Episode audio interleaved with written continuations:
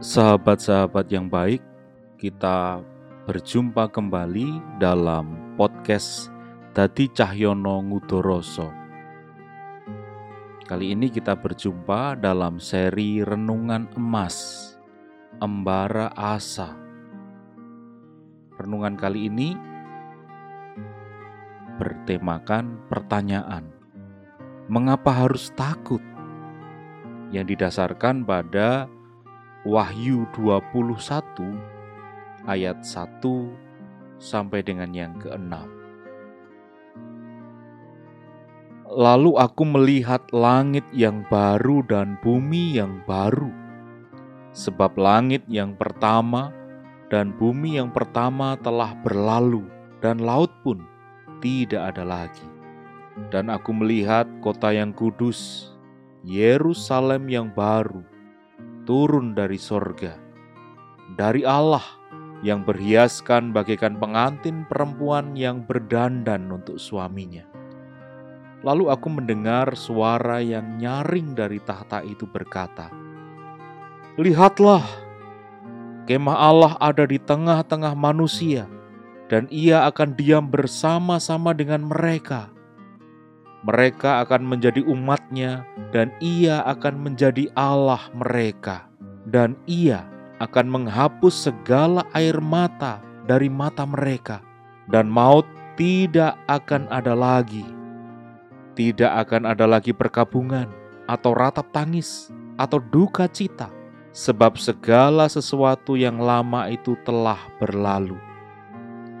Ia yang duduk di atas tahta itu berkata, Lihatlah, aku menjadikan segala sesuatu baru. Dan firmannya, tuliskanlah, karena segala perkataan ini adalah tepat dan benar. Firmannya lagi kepadaku, semuanya telah terjadi.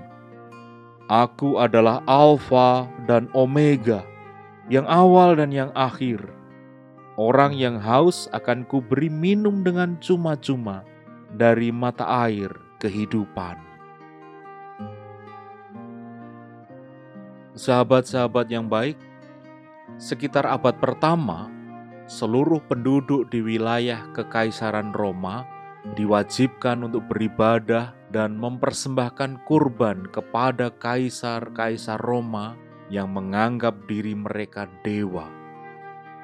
Orang yang menolak akan dianggap pengkhianat dan dijatuhi hukuman mati.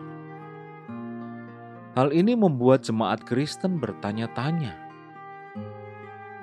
kalau mereka tidak taat pada kekaisaran Roma, apakah jemaat Kristen akan punah? Lalu, bagaimana dengan keyakinan bahwa Allah akan memerintah dunia ini? Melalui wahyu kepada Yohanes, Allah menyampaikan pesan kepada ketujuh jemaat Kristen di Asia. Paling tidak, isi pesan itu ada tiga. Yang pertama, dunia penuh dengan kejahatan.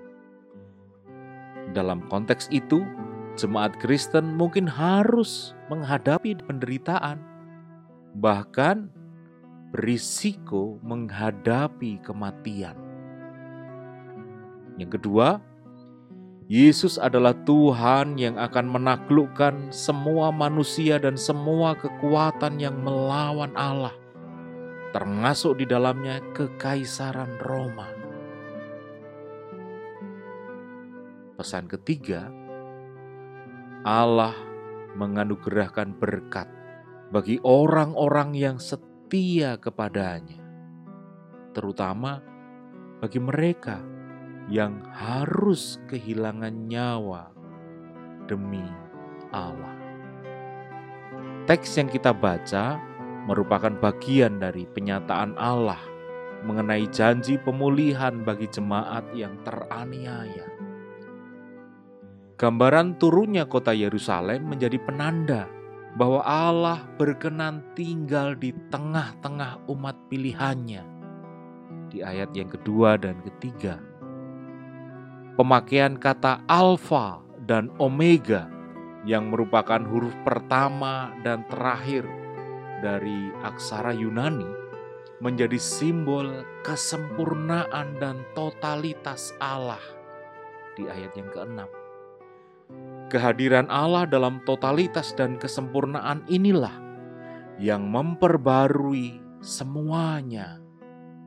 Ayat 4 dan 5. Dan pada akhirnya, pembaharuan yang dilakukan Allah memberikan harapan baru bagi manusia. Sahabat-sahabat yang baik, ada kalanya memang kita harus berhadapan dengan kesulitan, tantangan, juga beban hidup yang harus kita tanggung. Ditambah lagi dengan situasi pandemi COVID-19 yang membuat kita harus berjuang melawan kecemasan, trauma, bahkan situasi yang mengancam kehidupan. Namun, semua itu bukanlah tanda bahwa kita harus menyerah. Selalu ada harapan, bahkan ketika kita berada dalam situasi yang paling kelam sekalipun. Sang pemberi harapan itu adalah Allah yang di dalam totalitas dan kesempurnaannya hadir, tinggal, diam di tengah-tengah kita. Untuk itu, sahabat-sahabat yang saat ini harus berjuang mengatasi kemelut kehidupan, sahabat-sahabat yang tengah sakit, harus menjalani tindakan medis di rumah sakit maupun yang tengah berjuang untuk memulihkan diri di rumah. Juga sahabat-sahabat yang berjuang melawan COVID-19, baik yang harus dirawat di rumah sakit maupun harus menjalani isolasi mandiri.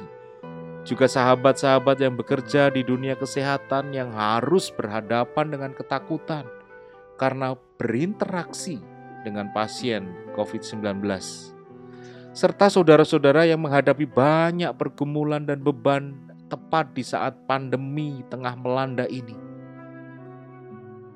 Janganlah takut, janganlah menyerah. Sekali lagi, jangan takut. Allah, Sang Sumber Hidup, Allah, Sang Pemberi Harapan, ada di tengah-tengah kita, tinggal bersama-sama dengan kita ia bersama dengan kita di dalam penderitaan dan pergumulan kita. Ia bersama dengan harapan dan perjuangan kita. Oleh karena itu, tahanlah dan berjuang terus bersama Allah, Sang Sumber Kehidupan. Jadi, sahabat-sahabat yang baik, mengapa harus takut?